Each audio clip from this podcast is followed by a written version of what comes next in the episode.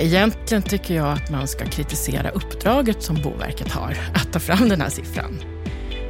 För vad ska man göra med siffran? Alltså, vad ska man ha den här siffran till egentligen?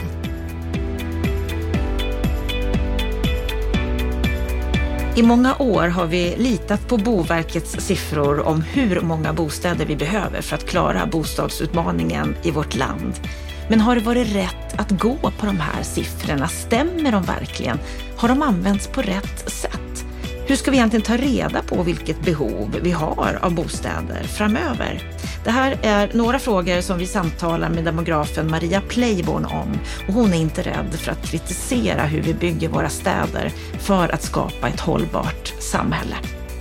I veckans Aktuellt så kommenterar vår expert Stefan Attefall den nya rapport från Lars E.O. Svensson där han går till frontalangrepp mot Finansinspektionen. Stefan kommenterar också de nya byggstandarderna och vilka effekter de kan få om de går igenom.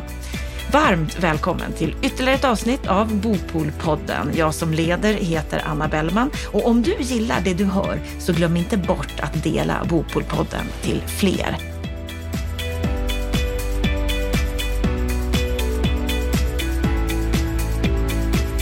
Och som vanligt i Bopolpodden så börjar vi med det aktuella som har hänt under veckan. Stefan Attefall, det har kommit en rapport. Ja, eh, på Handelskammarens seminarium i måndags i Stockholm så presenterade Lars E.O. Svensson, en mycket känd nationalekonom och tidigare vice riksbankschef, en analys av argumenten för de här olika amorteringskraven som har kommit under senare tid. Och eh, man kan väl lugnt säga att han sågade argumentationen som Finansinspektionen ibland har ganska jämnt med fotknölarna. Eh, han tog upp det här exempelvis med att ett skäl till att införa de här kreditrestriktionerna är ju att hushållens skuldsättning inte ska öka för mycket så att om priserna sjunker, typ vid stigande räntor eller andra händelser, då ska folk bli så rädda så att man börjar dra åt konsumtionen och därmed skapa ett samhällsekonomiskt problem. Notera att varken Riksbanken eller Finansinspektionen tror att vi har en bostadsbubbla i Sverige, men de är rädda för att det ska få effekter på hela konsumtionen i Sverige. Och den argumentationen har han gått igenom och tittat på forskningen och kommit fram till att de länder som har haft den här typen av problem, de har haft alltså en, eh, en konsumtion där folk har lånat på sina fastigheter och, eh, och konsumerat och sparkvoten i ekonomin har varit låg. Men inga sådana tecken finns i Sverige. Folk lånar till sina bostäder och vår sparkvot är hög i Sverige. Så att han sågar alltså de fundamentala argumenten för amorteringskraven. Så det är ett ganska eh, intressant lustmord han, han, han har där. Och sen så var han i diskussion med eh, Fredrik Branconer i radion ja, häromdagen. Ja, precis. Och eh, då fick Fredrik Brankoner, chefsekonomen på Finansinspektionen, en chans att bemöta honom. Och det intressanta är att han lyckas inte alltså med någon kraft och någon tydlighet eh, sänka eh, Lars E.O. Svenssons argumentation. Eh, han pratar allmänt om faran med hushållens högre och högre skuldsättning men lyckas inte påvisa hur det kan få eh, ska säga, eh, negativa effekter på finansiell stabilitet. Det är självklart att man måste ha koll på, på människors skuldsättning men med Lars E. Svenssons argumentation att det, det, är bankernas uppgift att ha koll på att folk kan betala tillbaka. Lars E. Svenssons poäng med det här är ju att eh, det, är en överdriven argumentation och att effekterna blir att man stänger ute människor från bostadsmarknaden. Man får alltså sämre rörlighet, sämre fungerande bostadsmarknad och man stänger ute exempelvis då ungdomar och förstagångsköparna. Och, och då säger Fredrik Branconer och Finansinspektionen har sagt det tidigare också att nej, det är alltså det är om priserna stiger som ungdomarna ställs stängs ute från bostadsmarknaden. Men här har också den här analysen, Lars och Svensson, gått in på det argumentet och tittat och han konstaterar också att att, eh, att eh, du får ha fruktansvärt ska säga, kraftigt fallande bostadspriser för att det ska bli lättare för ungdomar att komma in på bostadsmarknaden jämfört med de ska säga, eh, negativa effekter som de här senaste amorteringskraven har fått.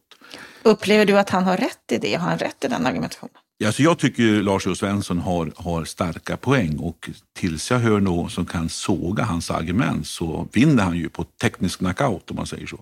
En eh, annan sak som har kommit i veckan är detta med byggregler, byggstandarder, där Svenska mm. institutet för standarder har kommit med lite nya råd. Hur, hur ser de ut?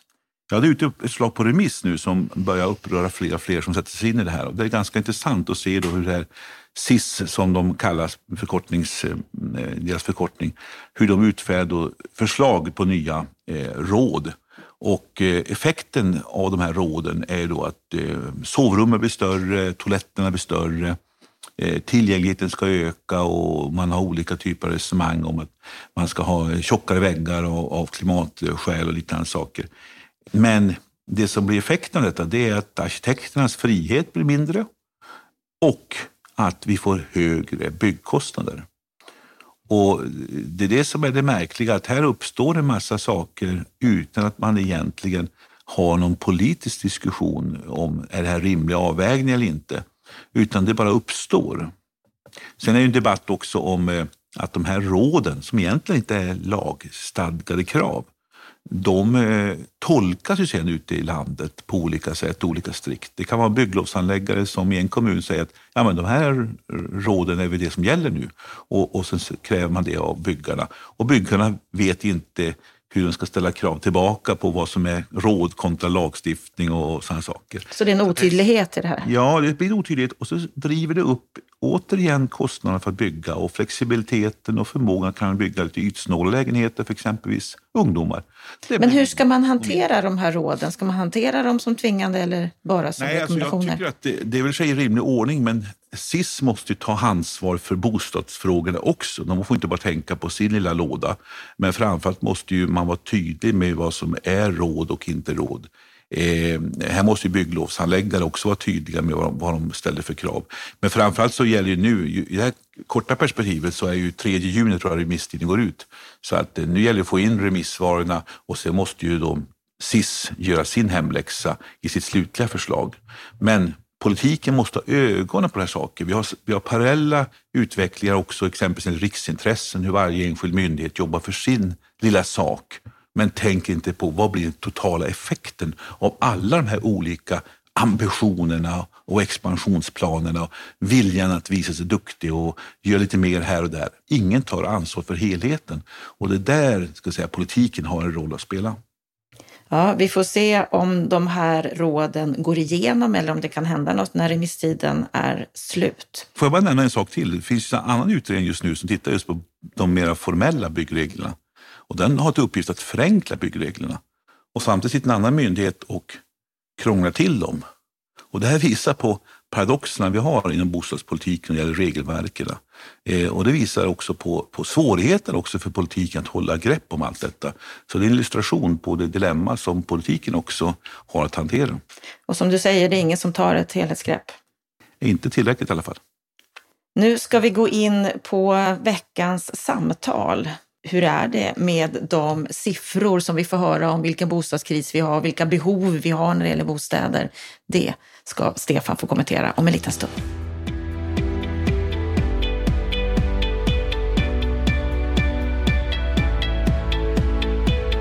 Hur kan vi vara säkra på att de siffror vi pratar om verkligen stämmer? Hur ser den verkliga efterfrågan på bostäder ut? Hur ska vi göra för att ta reda på hur vår demografi kommer att se ut framåt? Ja, det finns ju konsulter, experter som verkar i det tysta och så finns det de som gärna ger sig in i debatten och nu ska vi få träffa en av dem.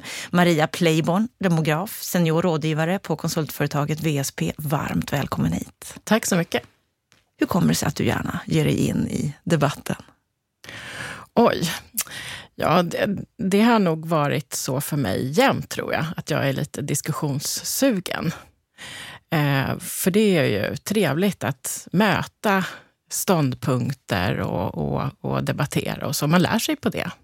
Och som faktafreak lite grann som jag är, så tycker jag ju att det är eh, ofta kanske missar en del eh, i just kanske den politiska debatten. Också så. Jag vill gärna grunda mina argument på, på fakta och så. Och, och, när man gör det så tycker jag ibland att man faktiskt får en del gehör. Och det, det är alltid kul. Jag får ofta höra i planeringen av konferenser och så att Ja, ska vi ha med någon som verkligen kan det här med befolkningsfrågan, bostadssituationen, då ska vi ha med Maria Playborn. Ja, vad kul. Ja, du har inte något emot det? Nej, absolut inte. I en artikel för några år sedan så sa du det här att jag blir så irriterad över alla felaktigheter som snurrar runt i debatten. Ja. Är det mycket felaktigheter? Ja, jag tycker faktiskt att det är det. Eh, det finns sanningar som snurrar runt som inte är sanna. Jag tycker en del av argumentationen också byggs på, på de här sanningarna som inte riktigt är sanna.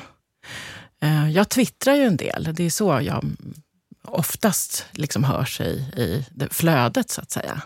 Och jag började faktiskt twittra på grund av att jag såg de här äh, tokigheterna i press och i, i, i debatter och tänkte att ah, man måste kanske kan säga ifrån, i alla fall på 140 tecken lite snabbt. Vad skulle du säga är de största felaktigheterna? Är det någon sån där sanning som florerar i debatten som du känner att men den här?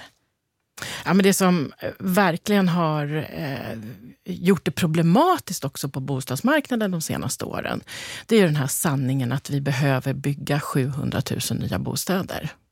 Jag roade mig med att, att googla på hela den liksom, meningen eh, för någon, några månader sedan. Och då fick jag 17 000 träffar. Och även ganska nyligen i pressen så skriver man just 700 000 nya bostäder. Trots att Boverket faktiskt har dragit ner den siffran? Ja, så att man hänger ju liksom heller inte med i de uppdateringarna. Och jag tycker att den, hela den där siffran är, är, är knepig att, att jobba med överhuvudtaget. Och den, den har verkligen, ja, den har verkligen ställt till det. För det, det första man gjorde var faktiskt att revidera siffran från 700 till 710 000 nya bostäder. Och då låter det ju verkligen som att man vet vad man pratar om när man gör en sån liten revidering. Då låter det ju som någonting som, det, det här är sant. Det här är en sanning. Det här är fakta. Och det är det ju inte. Det är en beräkning som bygger på en massa olika bedömningar och antaganden. Och det måste man liksom hela tiden ha med sig när man använder den här, den här siffran. För den är ju viktig. Den har varit enormt viktig i debatten. Den har varit viktig för ja, alla, alla hänger med, ju upp sig på den. Ja, massor med politiska beslut. Och tokigheter som vi nu ser eh, i branschen. Du har ju också gått ut och sagt att du varnar för att man ska lita för mycket på Boverkets bostadsmarknadsenkät. Ja, bostadsmarknadsenkäten det är ju en sak och den här siffran är, är eh, en annan sak. Den här siffran är ju någonting som man beräknar utifrån de årliga uppdateringarna av eh, befolkningsprognoserna som Statistiska centralbyrån gör. Sen går man ju också varje år ut till kommunerna via länsstyrelserna och frågar dem i en enkät om eh, om man har bostadsbrist eller inte. Eller snarare läget på bostadsmarknaden. Och så man, får man välja tre olika alternativ. Om man har balans eller om man har överskott eller underskott på bostäder. Och sen frågar man också hur mycket bostäder som eh, kommunerna tror att det kommer börja byggas eh, inom innevarande år och nästkommande år. Och det är i princip bostadsmarknadsenkäten. Det är massor med följdfrågor också i den. Eh, typer av bostäder och vilka grupper som mest, eh, man har mest problem med och vad man tror är de största hindren för bostadsbyggande och sådär. Och så sammanställer man de här, eh, de här siffrorna på Boverket eh, via länsstyrelserna. Då.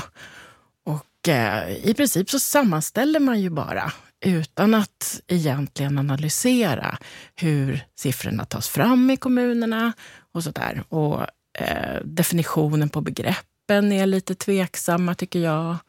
Eh, vad är bostadsbrist egentligen utifrån? Så det är avsaknaden av en analys och att gå igenom ja, det grundligare som du egentligen Ja, både definitioner på, på liksom, vad är det här begreppet och om man ska svara på en här fråga, hur, hur ska man svara på den? Hur ska man ta fram ett underlag som som visar om det till exempel är brist på bostäder eller inte. Och därför ska vi vara försiktiga med att lita på den här? Ja, när man bara sammanställer det, eftersom det tas fram så olika i olika kommuner, de här siffrorna. Och sen bara summerar man dem där och så säger man att ja, 246 kommuner av våra 290 är, eh, har vi bostadsbrist i till exempel. Och när det gäller den här andra siffran som vi pratar om nu, 700 000 nya bostäder som fortfarande finns kvar, även om Boverket mm. för ett knappt år sedan sa att, att det bara är 535 000 mm. bostäder. Mm. Är det Boverket som vi ska vara skeptiska till eller är det hur deras siffror används? Egentligen tycker jag att man ska kritisera uppdraget som Boverket har att ta fram den här siffran. För vad ska man göra med siffran? Alltså, vad ska man ha den här siffran till egentligen? Boverket är ju faktiskt i sin rapport är man ganska noggrann med att påpeka naturligtvis hur siffran tas fram eh, och att det finns osäkerheter. Men också att det kanske inte bara handlar om att bygga nya bostäder, utan att det handlar om, eh, om andra åtgärder också. Men de där, den där finstilta, så att säga, finns ju aldrig med i den politiska debatten och aldrig i media och sådär. Och då kanske det mer är hur siffran används? Ja, mm, det, det, det är det är problemet. Ja. Med. Du, du är demograf. Ja. Vad betyder det? att man har läst en del om befolkningsfrågor. Jag, jag är i, I grund och botten är jag utredningssociolog egentligen. Jag kan mycket om liksom metodik kring, kring statistik och kring undersökningar och så. Eh, och beteendevetare. Eh, sen fortsatte jag min utbildning med eh, forskarutbildning inom demografin, för jag tyckte att det det var det som lockade mig mest. Det var det, var det som var spännande. Både Vad är det som är spännande med det? Både demografisk metodik och... Ja, jag har hela tiden varit lite inne på bostadsfrågan. Och eh, bostadsmarknadsfrågeställningar eh, har ju... Liksom, demografin har ju väldigt stor bärighet på, på de frågorna. Så att liksom, det är en grundläggande kunskap som man behöver för att förstå bostadsmarknaden, tycker jag. Och just demografin, hur säkra kan vi vara på hur den demografiska utvecklingen ser ut? Ja, det har aldrig varit så svårt att sia någonting om, om den demografiska framtiden, tycker jag, eh, som det är idag. Varför är det svårt idag? För att den påverkas så mycket av politiken. Och politiken är allt mer svårare att förutse. Tidigare har vi haft en ganska liksom stabil politik eh, kring till exempel invandring. Och invandringen är den faktor som mest påverkar vår demografi, både idag eh, men också framöver i Sverige. Och som är väldigt svår att förutse. Otroligt svår att förutse. Och den, den har, det är väldigt stora implikationer. SCB kom ju med en ny befolkningsprognos för bara ett par veckor sedan. Och den visar ännu lägre invandring eh, de kommande åren än vad förra årets prognos gjorde. Och när man gjorde den stora neddragningen i prognosen var ju när vi hade to den totala omläggningen av politiken eh, efter flyktingkrisen som vi kallar den hösten 2015. Så prognosen som kom våren 2016 från, från Statistiska centralbyrån om invandringen eller hela befolkningsutvecklingen såg helt annorlunda ut än året innan. Och varje år sedan dess har man dragit ner antalet personer som man tror ska invandra de kommande ja, fem, tio åren. Varför tror man att det kommer att komma färre personer hit? Eh, det är fler och fler hinder. Eh, och man bygger ju en del också på Migrationsverkets bedömningar kring eh, både asylprocesser och, och eh, hur anhöriginvandringen ska in, eh, påverka till exempel. Anhöriginvandringen har ju varit den största delen av vår, vår invandring under ganska många år. Eh, men nu har det blivit svårare att, att komma in som anhörig. Och det där tar man hänsyn till i, Och därför drar man prognoserna. ner prognoserna. Ja. Mm. Men även om det är svårt att lita på prognoserna så behöver vi ändå någonting att navigera efter. Ja, jag tycker man skulle jobba lite mer med scenarier. Eh, Vad olika, menar du med det? Olika scenarier. Alltså om, om vi hanterar frågorna på det här sättet så blir det så här. Och om vi hanterar frågorna på det här sättet så blir det så här. Och eh, väldigt mycket av bostadspolitiken, det är inte bara befolkningen som, som, som bestämmer den, utan det handlar ju också om hur vi använder vårt befintliga bostadsbestånd, till exempel. Nu gör man ju antaganden att vi ska vara exakt det antal personer per hushåll som vi är idag. I de liksom behovsbedömningar som vi gör och sådär. Men vem säger att det kommer vara så? Och vem säger att vi kommer bo kvar i våra bostäder lika länge på ålderns höst som vi gör idag till exempel framöver? Det, har ju, det där kan man påverka med en, en annan bostadspolitik. Men nu antar vi bara att, liksom, att det ska vara lite status quo på vissa... Att vi kommer fortsätta bo som vi gör idag och ha ja, samma ja. vilja att bo som vi har ja, idag. Ja.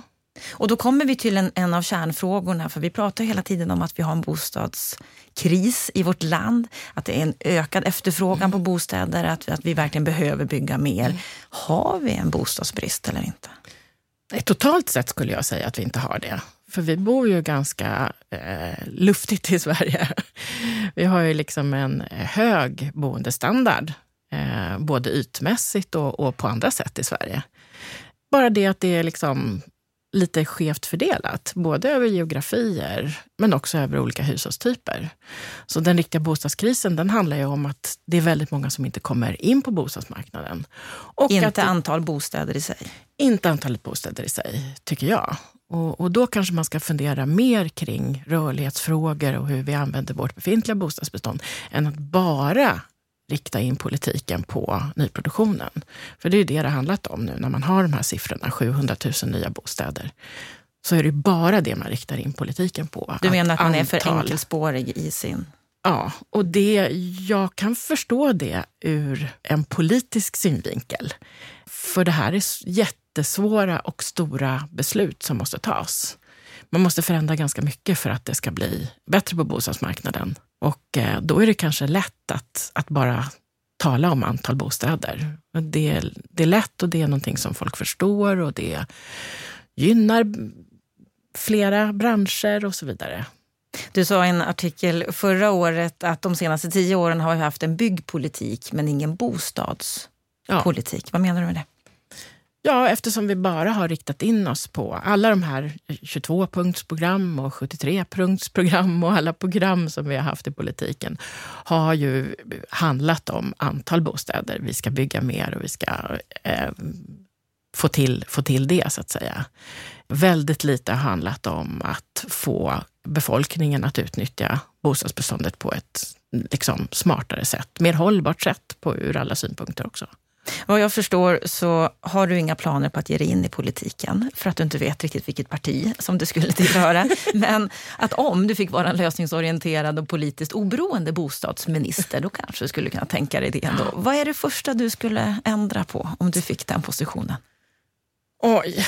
Alltså bostadsminister kan man ju tyvärr inte göra så mycket, men om man fick liksom så här hela kakan att ta itu med så handlar det väldigt mycket om rörlighetsfrågorna och inträdet på bostadsmarknaden. Och nu har vi ju satt upp helt vansinnigt mycket hinder för att komma in på bostadsmarknaden.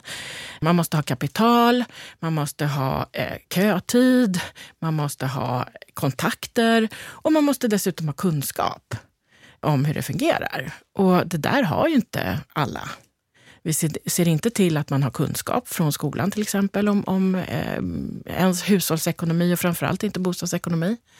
Och eh, är man ung så har man naturligtvis varken kötid eller, eller eh, kapital, som man, om man inte liksom har ja, så kallat ärvt kapital eller så. Så det där är ju otroligt ja, avgörande skulle jag säga för, för Sveriges framtid, att unga människor ska kunna liksom skaffa sig en bostad och börja sitt sitt vuxenliv och kunna både studera och arbeta på, på den plats. De, och vilka grepp behöver man ta här för att hjälpa de yngre? Amorteringskrav är en sak som lyfts ja, alltid. Ja, verkligen. Alltså, man måste se över he, all, hela det här kapitalkomplexet som vi har nu det är det som stör eh, marknaden väldigt, väldigt mycket just nu. De, när man pratar med bostadsbyggare så säger de att den här målgruppen har helt försvunnit från nyproduktionen. Det finns ingen chans för, för unga människor, eh, ens om de har jobb och sparade pengar, att ta sig in på marknaden. Så det, det, är väldigt problematiskt. Men det andra jag skulle göra är faktiskt att förändra lite inriktningen på äldreomsorgen. För idag så har vi en grupp äldre som, som bara växer och växer dessutom demografiskt. Det är en demografisk sanning som vi faktiskt vet att det kommer Som ni kan säkerställa att så här det ser det ut? Att om, om tio år kommer det vara 50 procent fler 80 och äldre? Ja, precis. Det här vet vi ju. Det här är vi duktiga på att beräkna. Äldre är ju väldigt orörliga också, så vi kan nästan, nästan beräkna det på kommunnivå. Vilket är svårt med andra parametrar. Och då, vi vet att de blir fler. Vi vet att vi har många som bor ensamma i stora bostäder. Och vi vet att vi har ett eskalerande ensamhetsproblem som jag tycker är viktigt att adressera om man pratar om social hållbarhet. Ensamhetsproblematiken är stor och det är fram, faktiskt framför allt bland äldre. Och här kan vi inte bara hålla på och prata om att, folk ska bo, att man ska få bo kvar hemma. För vi erbjuder ju nästan inga alternativ. Många, vi har inte bara fattigpensionärer och många äldre har faktiskt råd att flytta någon annanstans. Det kan kännas lite surt att betala de här pengarna som det kostar mer att bo i en mindre bostad. Men jag tror att faktiskt att många skulle välja det om det fanns bra alternativ. Och här görs ju olika beräkningar när man, när man tittar på vad som behövs framåt, att vi behöver bygga enormt många fler äldreboenden än vad som finns idag. Eh, vad jag förstod någonstans runt 700 nya äldreboenden de närmsta tio åren här, men knappt 200 har, har påbörjats mm. i, i kommunerna. Byggbranschen är inte, inte med på banan låter det som. Nej, jag tycker inte politiken är med på banan heller. Det finns ju många intressenter som, som vill erbjuda lösningar. Så. Men det är lite knepigt också att få till ekonomiskt. Att få liksom bra alternativ att eh, fungera och sådär. Och så hur, vet vi vad som vara... är, hur vet vi vad som är bra alternativ?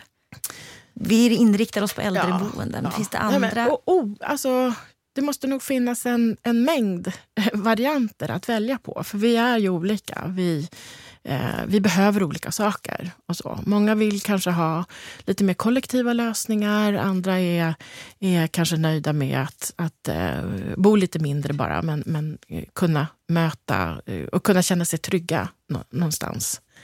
Eh, men eh, vi måste liksom tänka om där totalt, tycker jag. För att vi vet ju också att våra, vår yngre generation är väldigt liksom, sugna på att bo i de bostäder som de äldre bor i idag ja, de yngre vill bo i villa. Ja, många vill ju det. Och, och det är inte så konstigt. Många unga har ju själv vuxit upp i, i, i marknära bostäder och tycker att de platserna kanske har varit bra för, för dem när de varit unga. Det har varit tryggt att kunna springa ut från i villaområdet och, och, och, leka och så vidare. Och det kanske man vill ge sina egna barn också. Så det, det är inte så konstigt. Du har också sagt i ett sammanhang här att byggföretagen behöver göra bättre målgruppsanalyser för att förstå vilka de bygger för. Mm. Är, är, är man för dålig på det i branschen idag? Ja, man har ju varit det under ett antal år. Och det är under de här åren då de här 700 000 nya bostäderna har liksom mm, varit mantrat. Då har man ju tänkt att ja, men, vi behöver bygga så mycket bostäder så vi kan ju nästan bygga vad som helst. Vi behöver inte göra några analyser. Och som konsult har, man ju, har jag fått färre sådana frågor. Då har man istället fått frågor från kommunerna som vill ha hjälp med bostadsförsörjningsproblematiken. Hur ska vi kunna skapa nya bostäder till alla som vill bo i just vår kommun? Och eh, branschen har ju bara kört på. Och det har varit lätt att göra det, till en viss gräns. Men nu börjar de ju komma tillbaka eh, och fråga oss, liksom, har folk verkligen råd med den produkt som vi tänker ställa på den här platsen? Och, och vad efterfrågar folk egentligen för kvaliteter i sina bostäder? Tror du att det går att hitta rätt, rätt spår här, att komma in på rätt väg? Ja, jag tror att det, det behövs lite såna här äh, nedgångar ibland faktiskt på marknaden som, som vi har haft nu för att man ska vakna till igen. Jag tycker det är, är sunt. Jag, jag tillhör inte de som tycker att bostadspriserna borde gå ner jättemycket, för det skulle ställa till en massa problem. Men att man får en sättning i marknaden så här ibland, det, det tror jag är ganska nyttigt. I alla fall jämfört med de enorma prisuppgångar och den enorma hets som det har varit, eh, både bland hushållen men också byggarna. Och alla priser har rusat upp, både produktionspriser och, och priser ut till, eh, ut till hushållen. Så det är väldigt, väldigt bra att det lugnat ner sig. Eh, det är bra för alla. Det är bra för hushållen, det är bra för de som bygger, det är bra för prissättningsmekanismer eh, och det är nog bra för politiken också. Jag hoppas det i alla fall. Även fast jag inte tror så mycket att vi kommer komma framåt i politiken i närtid. Men, men det är kanske fler som börjar, börjar läsa på och börjar fundera kring hur det här fungerar i alla fall. Nyligen så gick du ut och konstaterade att regeringens byggbonus som har delats ut här tre år i rad har lett till många startbesked men inte lika många färdigställda bostäder. Mm. Har det varit fel väg att gå att ge ja, den här, den här byggbonusen har ju varit lite märklig. Man premierar ju de som har, har lätt att få till bostadsproduktion det kanske skulle vara bättre att premiera de som kanske skulle behöva lite bostadsproduktion men har svårt att få till det kostnadsmässigt. Och pengarna har ju heller, man säger att pengarna ska stimulera till mer bostadsbyggande, men pengarna har ju inte varit öronmärkta för någonting som har med bostadsmarknaden att göra, utan de har ju bara gått in i kommunernas kassa.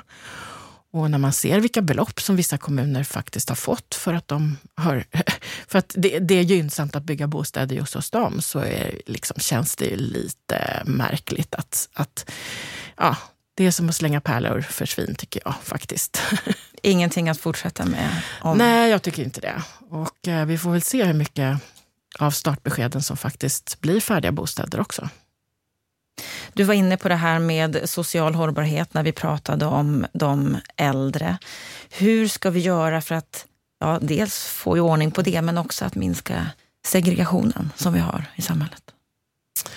Ja, vi har ju lite problem med, med segregation eh, ur flera aspekter skulle jag säga.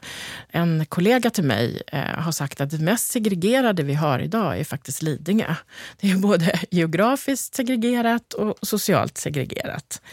Eh, och det är faktiskt en lite insiktsfull tanke. Ja, det är jag. inte det man skulle gissa. Nej, man brukar inte riktigt tänka så, utan man tänker på andra förorts förorter, eh, främst när vi pratar om segregation.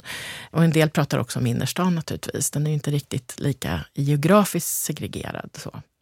Nej, men vi har naturligtvis sådana problem. Problemet är ju med, med, segregation, tror jag, det är när det blir för stora enklaver där alla människor är likadana och där man i sitt vardagsliv faktiskt inte ens eh, behöver träffa på någon som är annorlunda.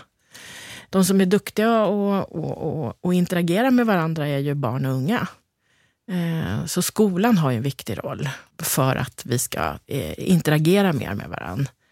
Sen tror jag, liksom en del andra i alla fall, också att det inte kanske är så tokigt att vi kanske får bo med några som är likadana som oss själva. För det känns, det, ska, det skapar ju trygghet också.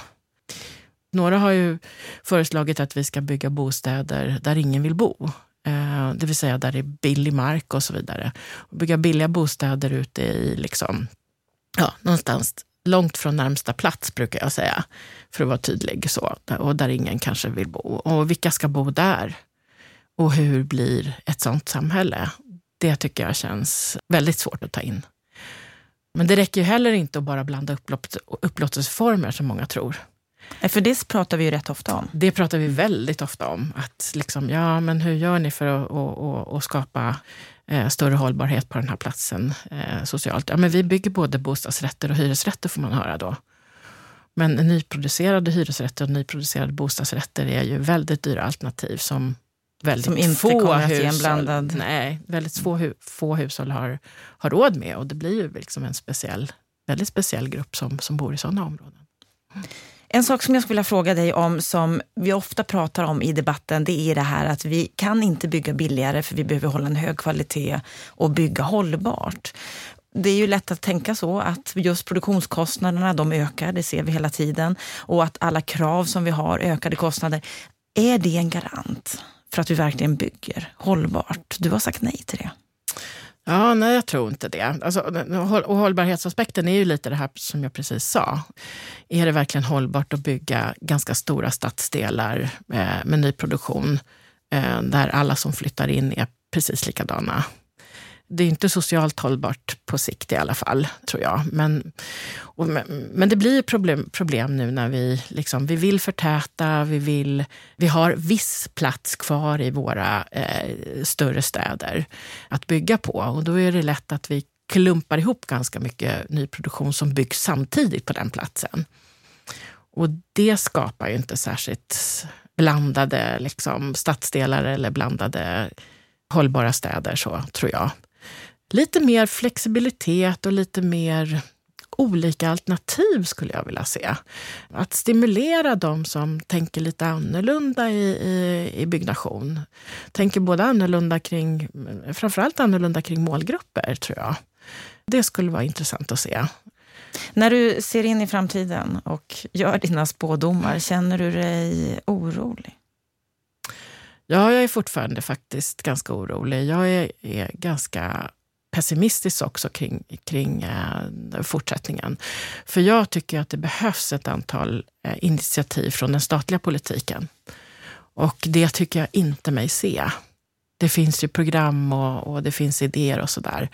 Men de, de saker som har genomförts under, under senare år som faktiskt har påverkat eh, bostadsmarknaden har ju faktiskt varit problematiska snarare än har hjälpt bostadsmarknaden. Och jag ser inte att några av de eh, initiativ som, som kommer från de eh, regerande partierna idag skulle liksom lätta på de, på de svårigheter vi har.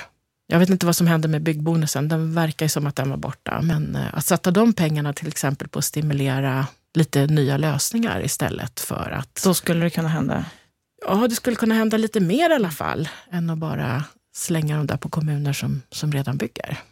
I en artikel så sa du att du inspireras av dina vårblommor i trädgården. Envist tittar de upp igen och anar att bättre tider är på väg. Kan vi någonstans ana att det kan vara bättre tider på väg eller är det nattsvart? Åh, oh, vad svårt. Alltså, det, det, blir, nu på våren blir det ju ljusare så man blir lite gladare. Men alltså politiskt, jag vet inte. Jag är väldigt bekymrad över eh, populism och, och eh, att man tar de lätta vägarna. Jag är faktiskt väldigt bekymrad över det. Och när eh, vår mm, bostadsminister och finansmarknadsminister nu blev eh, också språkrör för Miljöpartiet så tog han ju ändå tillfället i akt och, och lyfta bostadsfrågan. Men det han säger då är att alla nya fastigheter ska ha eh, solpaneler. Ja, men det är väl fine. Men han hade väl kunnat säga någonting annat, tycker jag. Nej, det, det känns lite, kanske inte nattsvart, men mörkgrått. Mörkgrått och vi får hoppas att det händer saker ändå under ja, den här mandatperioden? Ja, naturligtvis. Ja, inte under den här mandatperioden. Nej, men det nästa. tror jag är tröstlöst. Men nästa kanske. Ja, vi fortsätter kämpa. Stort tack Maria för att du kom till Bopolpodden. Tack så mycket, det var kul.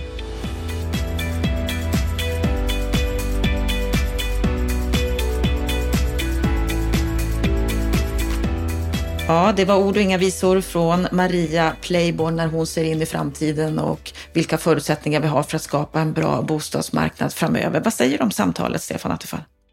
Ja, men det är jätteintressant och eh, Maria Playborn är ju en eh, kunnig person och hon kallar sig själv för faktafreak och eh, det är hon.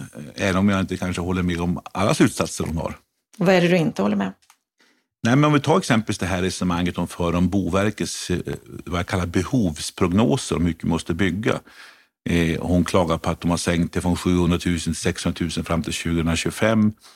Eh, och det är korrekt att utifrån befolkningsprognoser som har förändrats så sjunker då behovet. Eh, men om vi inte hade den typen av behovsprognoser så hade vi inte heller fått någon uppfattning om vilken dimension som man skulle behöva bygga i. Så jag tycker att de spelar en viktig roll, de här behovsprognoserna. Så det övertolkas, de, det håller jag med om eh, Marias kritik, att de övertolkas ibland i debatten som någon slags absolut sanning på att exakt så här många måste bygga. Eh, sen tycker jag också att Eh, ett, eh, hon har ju helt rätt i sin kritik mot bostadsmarknadsenkäterna. Det vill säga när kommunerna fyller i, har vi bostadsbrist eller inte? Det sker ju ganska, ska vi säga, eh, ad hoc och utan större stringens. Eh, så att eh, de enkäterna, de, de har mycket övrigt att önska för att tillföra något väsentligt värde i debatten. Men eh, jag tror inte att politiken heller, ska vi säga, styrs så mycket av de här prognoserna. Det är kanske mer den retoriska debatten ibland de används i. Hon kritiserar ju också att både branschen och politikerna är för dåligt pålästa på siffrorna. Kan du hålla med om det? Ja, jo, men det så, så är det ju alltid, men det är ju i alla branscher också. Eh, men om vi inte hade haft den här målbilden om att vi måste upp i mycket högre byggtakt så tror jag vi har haft mindre press på politiken att faktiskt eh, underlätta byggandet. Och vi ska också komma ihåg att hon säger att vi måste fokusera mer på rörlighet och sådana saker. Och det, visst, hon har rätt i det, att vi måste titta på de frågorna också. Men det finns inga quick fix-lösningar när det gäller rörlighet. Boverket har tittat tillbaka på hur mycket bostad konsumerar vi per ska säga, person eller per hushåll. Och det där ligger ganska konstant sedan 80-talet. Och vi har förändrat faktiskt antal skatteregler sedan dess och vi har förändrat hyressättningssystemet har ändå justerats en hel del. Eh, vi har fått massa saker som hänt på, i konjunkturen och allt sånt där.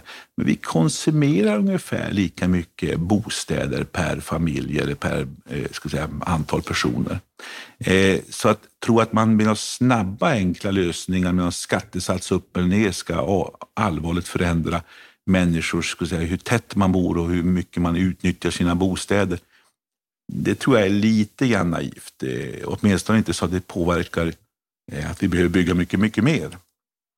En sak som vi också pratade om, det var detta med andelen äldre som ju på kort tid kommer bli många, många fler. På tio år så kommer det bli 50 procent fler äldre mm. än vad vi har idag. Så där behövs det göras någonting ganska så snabbt. Mm.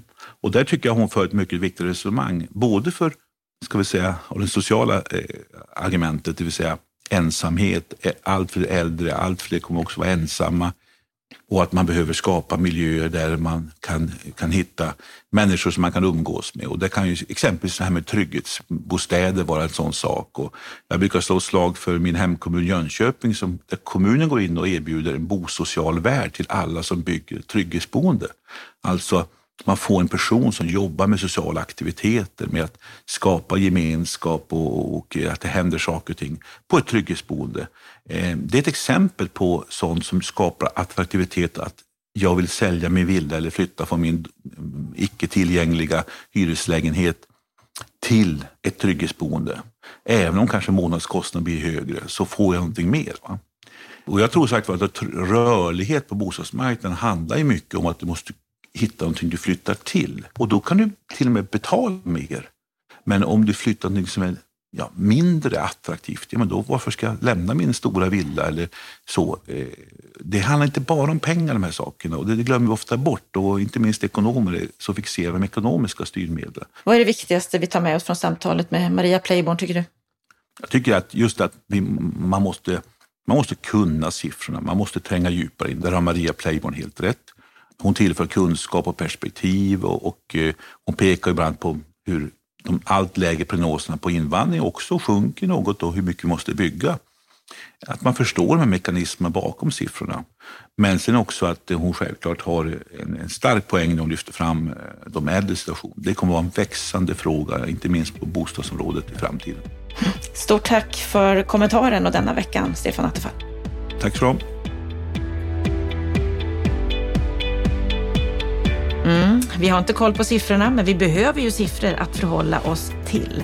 Framförallt så saknas det någon som tar ett helhetsgrepp över bostadsmarknaden, något som politikerna borde göra. Det var en kort sammanfattning av veckans Bopolpodden. Nästa vecka så ska du få träffa Boel Godner, kommunstyrelsens ordförande i Södertälje. Hon leder en stad som växer, som har ett rikt näringsliv med ett par riktigt stora blomstrande bolag, men som samtidigt brottas med kriminalitet, hög skuldsättning, infrastrukturproblem och bostadsbrist. Vill du kontakta oss på Bopolpodden, gör det gärna. Mejla oss då på podd bostadspolitik.se. Stort tack för att du lyssnat. Ha nu en riktigt, riktigt fin vecka.